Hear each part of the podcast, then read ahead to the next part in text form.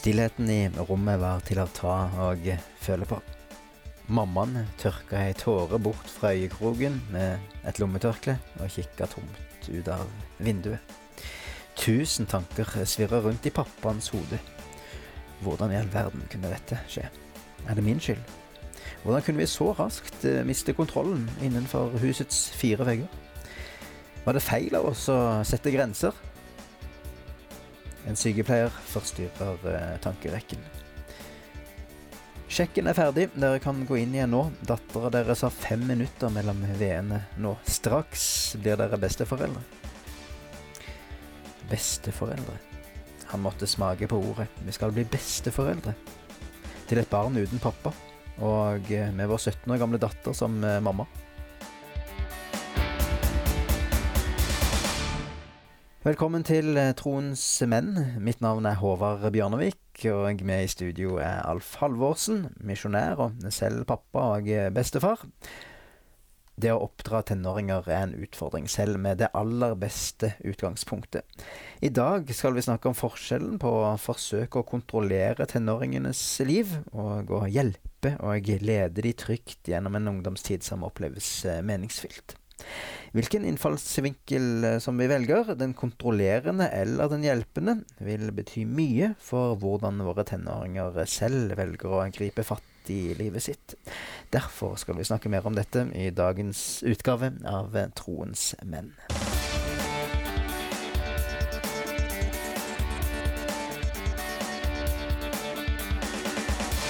Alf, eh, det spørs vel om det er eh, noen foreldre som hører på nå som ikke støkker eh, ved tanken på å oppleve at deres 17 år gamle datter ble gravid? Ja, det er det nok.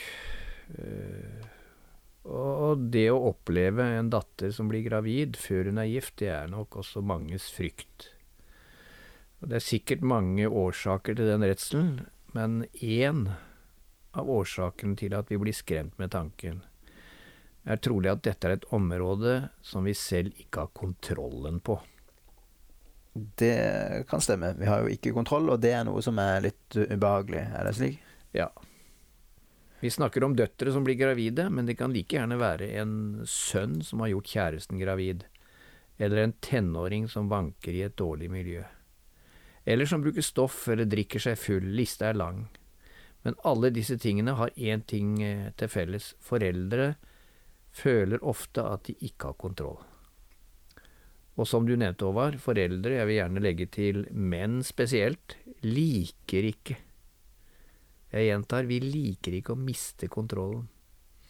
Så i et forsøk på å unngå at tenåringene våre ender opp med slike problemer, forsøker vi altså å kontrollere dem, for å unngå da at de starter på, eller opplever disse uønskede tingene. Eh, men i motsetning til ordet kontroll, så er den bibelske måten å angripe dette på, det er å lede og hjelpe. Men eh, kontroll, eh, det føles kanskje bedre da, spesielt for eh, mannfolk? Ja, det gjør det. altså. Det er en kontinuerlig og konstant fristelse for oss. Det føles godt å tro at man har kontroll. Men å kontrollere, og da mener jeg altså øh, den type overdreven overvåkingskontroll, Dersom vi benytter oss av en sånn overdrevet kontroll når vi skal oppdra barn, og spesielt tenåringsbarn, og spesielt i vår tid, eh, da kan det nok virke som om at det fungerer på kort sikt, men her må du tenke på lang sikt, og det kan nemlig få katastrofale følger. Et eksempel er jo historien som du refererte til i starten av programmet. Den er basert på en sann historie, og den kan være nyttig for oss. Ja. Fordi faren hadde nemlig nedlagt et forbud mot at jenta fikk ha kjæreste før hun fylte 16 år. Mm -hmm. Altså ingen date før 16-årsdagen. Det forteller oss at han ikke hadde tatt i bruk de bibelske prinsippene for barneoppdragelse, som vi snakket om i, i forrige program.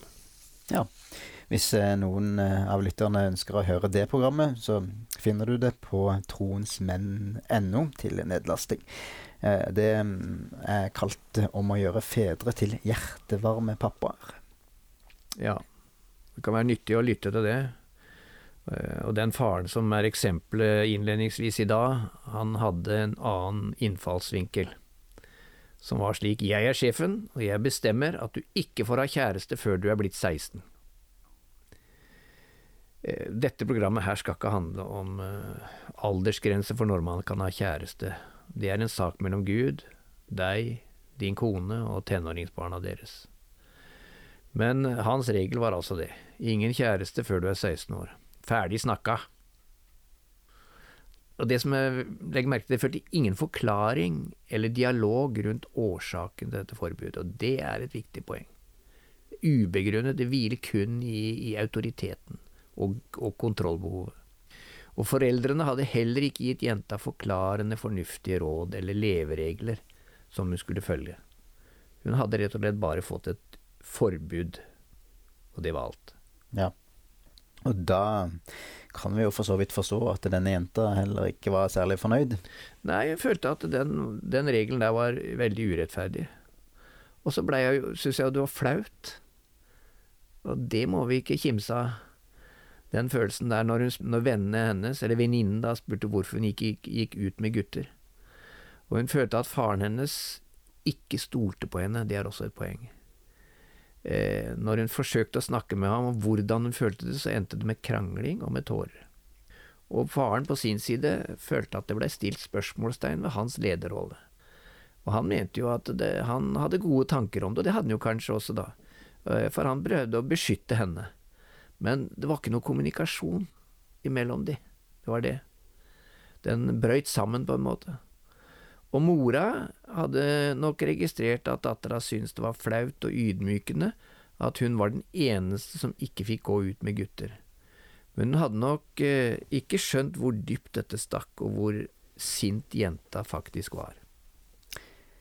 Og endelig, da, en eh, dag fylte hun 16 eh, år. Ja. Og da gjaldt ikke regelen lenger. Uh, og ettersom det ikke var noen god verdibasert forklaring, opplæring eller dialog mellom jenta og foreldrene, så uh, når en gang regelen var slutt, så løp hun, bokstavelig talt. Og hun var ute og møtte en gutt omtrent hver eneste kveld. Og nå er vi jo i USA i denne historien, og det betyr at uh, hun kunne kjøre bil fra fylte 16 år. Og da foregikk jo disse stevnemøtene ofte etter skoletid og langt unna. Og hun var nesten aldri hjemme, og foreldrene hadde ingen oversikt over hvem hun var sammen med. Når de en sjelden gang fikk møte en kjæreste, var det på ingen måte en slik gutt som de hadde håpet dattera skulle finne seg.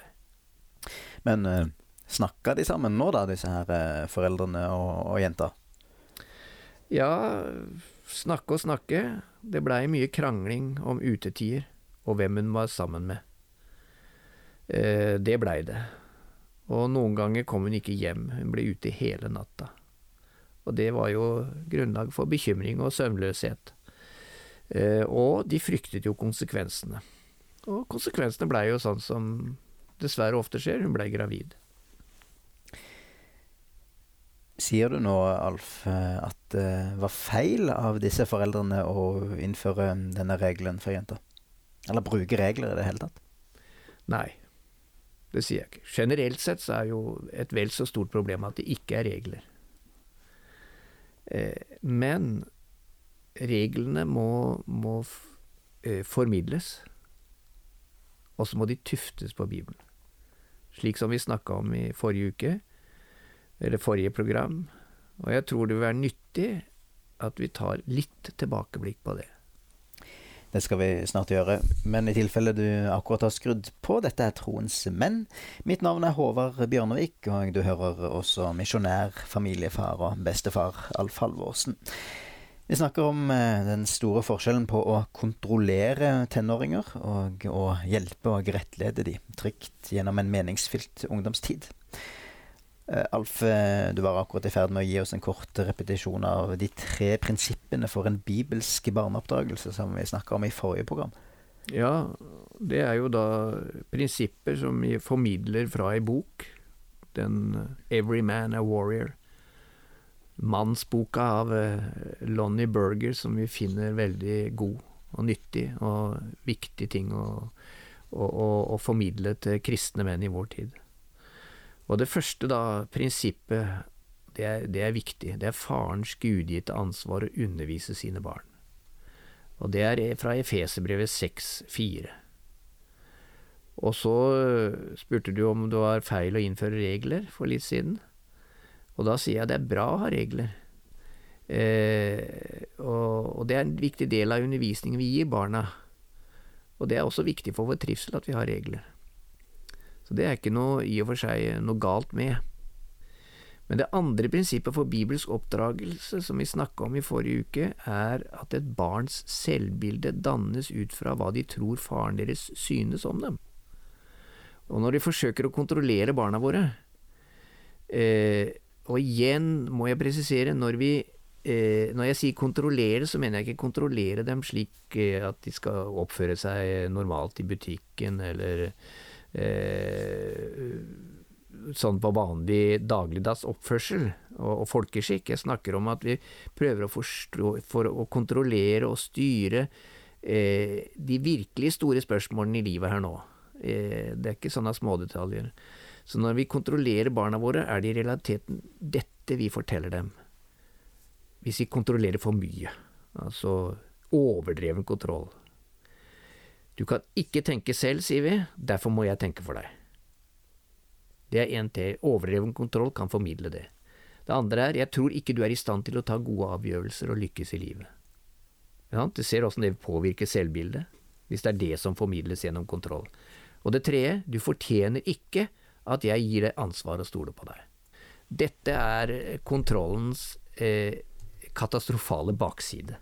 Ja, og ingenting av dette høres akkurat ut til å kunne bygge opp et uh, godt selvbilde. Nei, det er faktisk det motsatte. Eh, for litt siden så leste jeg et sted at dersom vi forsøker å kontrollere en tenåring, blir de eh, fanget på et tidlig utviklingsstadium, slik at de forblir umodne. De får ødelagt selvtilliten, bygger opp harme, og blir altså forhindret fra å modnes slik de skal. I Efeserbrevet 6,4, der står eh, i prinsippet det samme. Og Der henviser vi også den, eller leser fra den amerikanske bibelutgaven som vi har vært inne på, The Amplified Bible, og det gir et godt bilde av det som menes. Der står det slik, og vi gjentar det vi har sagt før, Fedre, ikke irriter eller provoser barna deres slik at de blir sinte. Ikke ergre dem til harme. Forme dem ømt med kunnskap, disiplin, råd og formaning. Og der er to ting å merke seg i det verset. Det ikke irriter eller provoser barna. Og det er det, nettopp det som, eh, som eh, overdrevet kontroll skaper. Det skaper bitterhet. Det skaper eh, irritasjon, og det provoserer.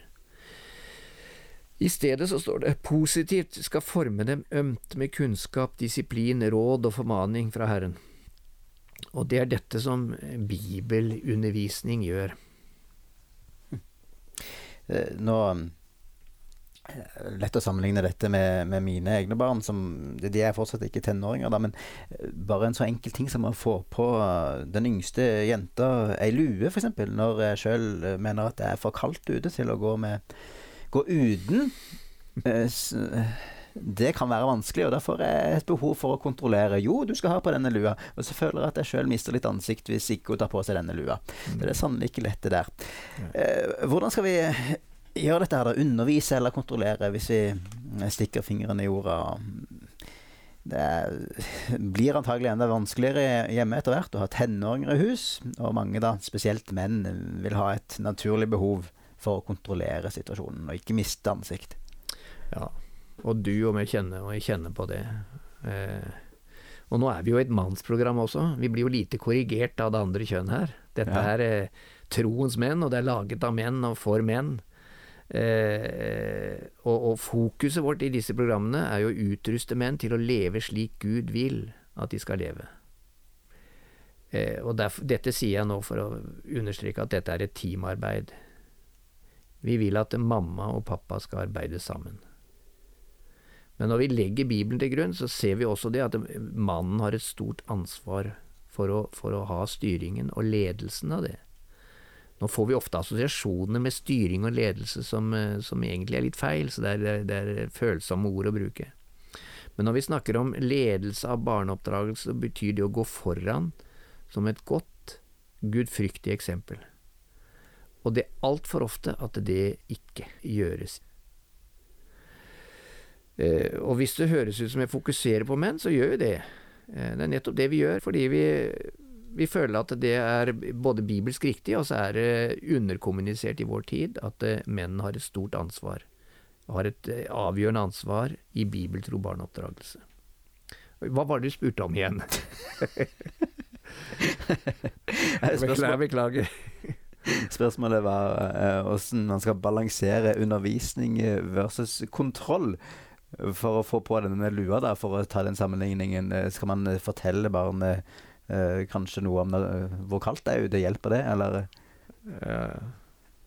Ja, det er jo stor forskjell på om det er ei lita jente går ut, og en, en tenåring som syns lua er forferdelig lite på mote.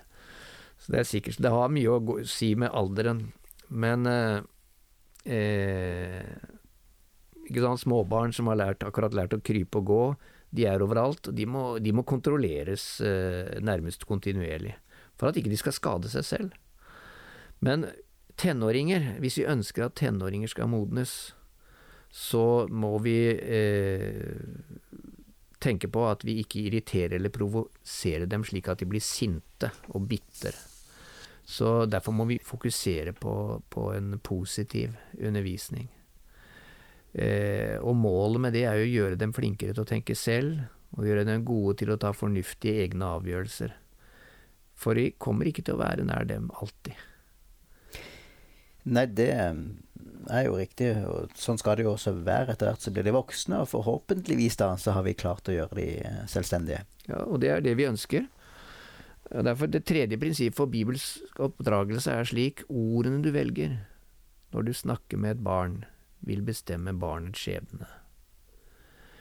Eh, dette gir mening dersom vi setter oss fem mål for det vi vil lære barna. Og Det første målet er å hjelpe tenåringene å tenke og ta kloke beslutninger. Tenåringer som synes de kan ta gode avgjørelser, har gode muligheter for å lykkes i livet. Og det andre målet er å lære dem hvilke konsekvenser valgene deres vil få eh, Hvis vi bare sier 'ikke gjør det', så sier jo det lite om konsekvensene. Ja. Her er vi antagelig midt inne i denne tabben som eh, pappaen i historien vi fortalte tidligere, hadde begått, han med denne gravide dattera. Ja, for problem, altså regelen om å ikke ha en kjæreste, det er egentlig ikke det verste problemet her. Problemet var at den var innført på en kontrollerende måte, og dattera fikk ikke være med å tenke selv, hun hadde heller ikke hørt noe om hvilke konsekvenser et regelbrudd kunne føre med seg. Og så blir konsekvensene fatale. Og så må vi gå videre på disse fem, da, for det tredje målet det er viktig, å gi tenåringsbarna troen på at han eller hun kan klare dette. Du som er pappaen deres skal være den som heier mest, sørg for at de kjenner også bibelske begrunnelser for dette. Skriftsteder som eksempel Filippenserbrevet 4.13, eh, som, som, jo er et positivt ord. Alt makter jeg i ham som gjør meg sterk. Eller, eller Matteus 1926, for Gud er alt mulig. De må, de, må, de må, ikke få et lovisk forhold til Bibelen, det er veldig viktig. Og du som lytter, eh, det, dette tredje prinsippet for bibelsk oppdragelse sier oss at ordene du velger når du snakker med et barn, vil bestemme barnets skjebne. Tenk tilbake på de forrige samtalene du hadde med tenåringen din. Var de kontrollerende eller undervisende? Og husk, vi vet at det er vanskelig. Jeg har selv fire voksne sønner, og jeg rota det til mange ganger. Eh, dette her er ikke noe som Som jeg sa her tidligere i program, jeg er ikke ekspert i dette. Jeg snakker om en, eh, en sårbar og noen ganger litt såret eksempel av arten menn og fedre. Eh, og det er fort gjort å gå i den fella at man blir altfor kontrollerende. Det, det, vet jeg sjøl. Det er ekstra fare for meg. Og, og det er mye bedre og, og, smartere å lære å undervise barnet. Og mer bibelsk. Ja, det er mer bibelsk. Overraskende nok. Dette verset som vi har, er, er, er overraskende i forhold til hvordan vi ofte tenker Bibelen er. Men ikke eh, provoser. Ikke gjør de bitre, og ta motet fra. De står i Bibelen. Og da må du ta med det fjerde målet for vår opplæring av tenåringsbarna, er å gi dem frihet og tillit nok til at de modnes. Og det Da må du ha åpning for at de går på noen smeller. La dem gjøre noen feil. Og når det er sagt, så betyr det ikke at vi skal se på at de begår lovbrudd, eller begynner med stoff eller noe sånt noe. Det, det, det håper jeg dere underforstår at det ikke er med. Men uh, i noen tilfeller, for, for de, i disse tilfellene så må vi jo beskytte barna. Uh, uh, og frihet og tillit er ikke alltid rett.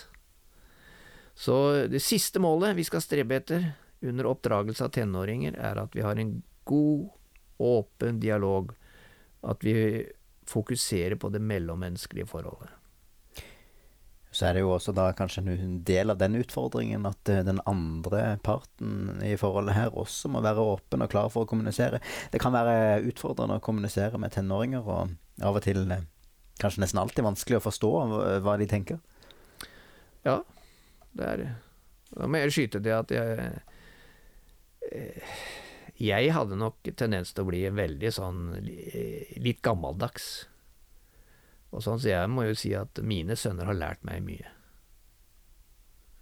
De har, de har faktisk, eh, når de blei litt eldre, flytta ut og sånt noe. I, i hvordan, ikke minst hvordan du for, forholder deg og er, er, er, forståelsesfull og sånt til andre grupper og andre kulturer og sånt noe, så, så har jeg lært utrolig mye av de. Eh, så, så eh, det å sette seg inn i hvordan de tenker, og, og, lære faktisk Jeg har lært å kjenne en ny generasjonstenkning gjennom sønnene mine. Så, eh, men det tok litt tid, da. Så det var litt ydmykende.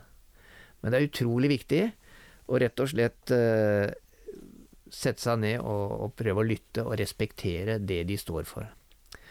Så, og tillegg så har fedre med tenåringsdøtre en tilleggsutfordring. Eh, og det er å tenke at vi kvinner og menn tenker forskjellig. Jenter og gutter tenker forskjellig. Eh, og derfor så er eh, at du og kona jobber sammen i dette. Dette er jo en felles sak, det har vi jo sagt, men nå fokuserer vi på menn. Og, og, og, og eh, der har damer mye lettere for å forstå døtrene enn du har.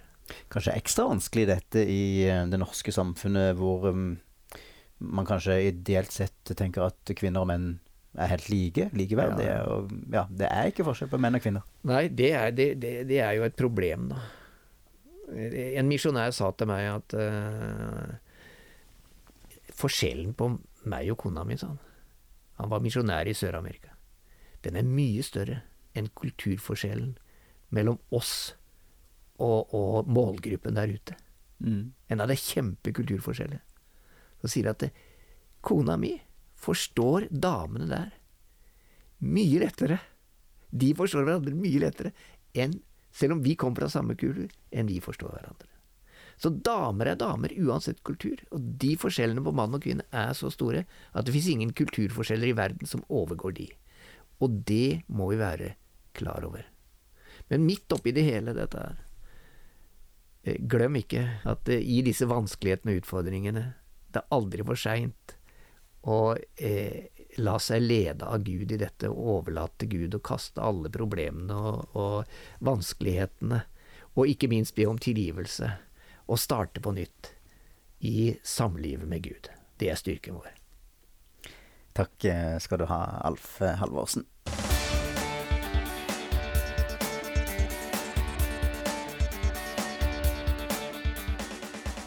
Takk for at du hører på Troens menn, hvor eh, menn utrustes og styrkes til å nå deres gudgitte potensial. I dag eh, har vi snakka om eh, forskjellen på å kontrollere og å hjelpe og lede barna trygt gjennom en meningsfylt tenåringsperiode. Dette programmet er basert på kapittel syv i bok to av Lonely Burgers bokserie Every Man a Warrior. Du kan lese mer om den boka og høre alle radioprogrammene i serien Troens menn på våre nettsider troensmenn.no. Troens menn er den norske utgaven av Transworld Radios Champions Arise, og er produsert i Norge av og for norske menn av Norea Mediemisjon. Mitt navn er Håvard Bjørnevik, og du har også hørt misjonær, pappa og bestefar Alf Halvorsen. Takk for at du hører på Troens menn. Må Gud fortsette å forme deg til den mannen han vet du kan bli.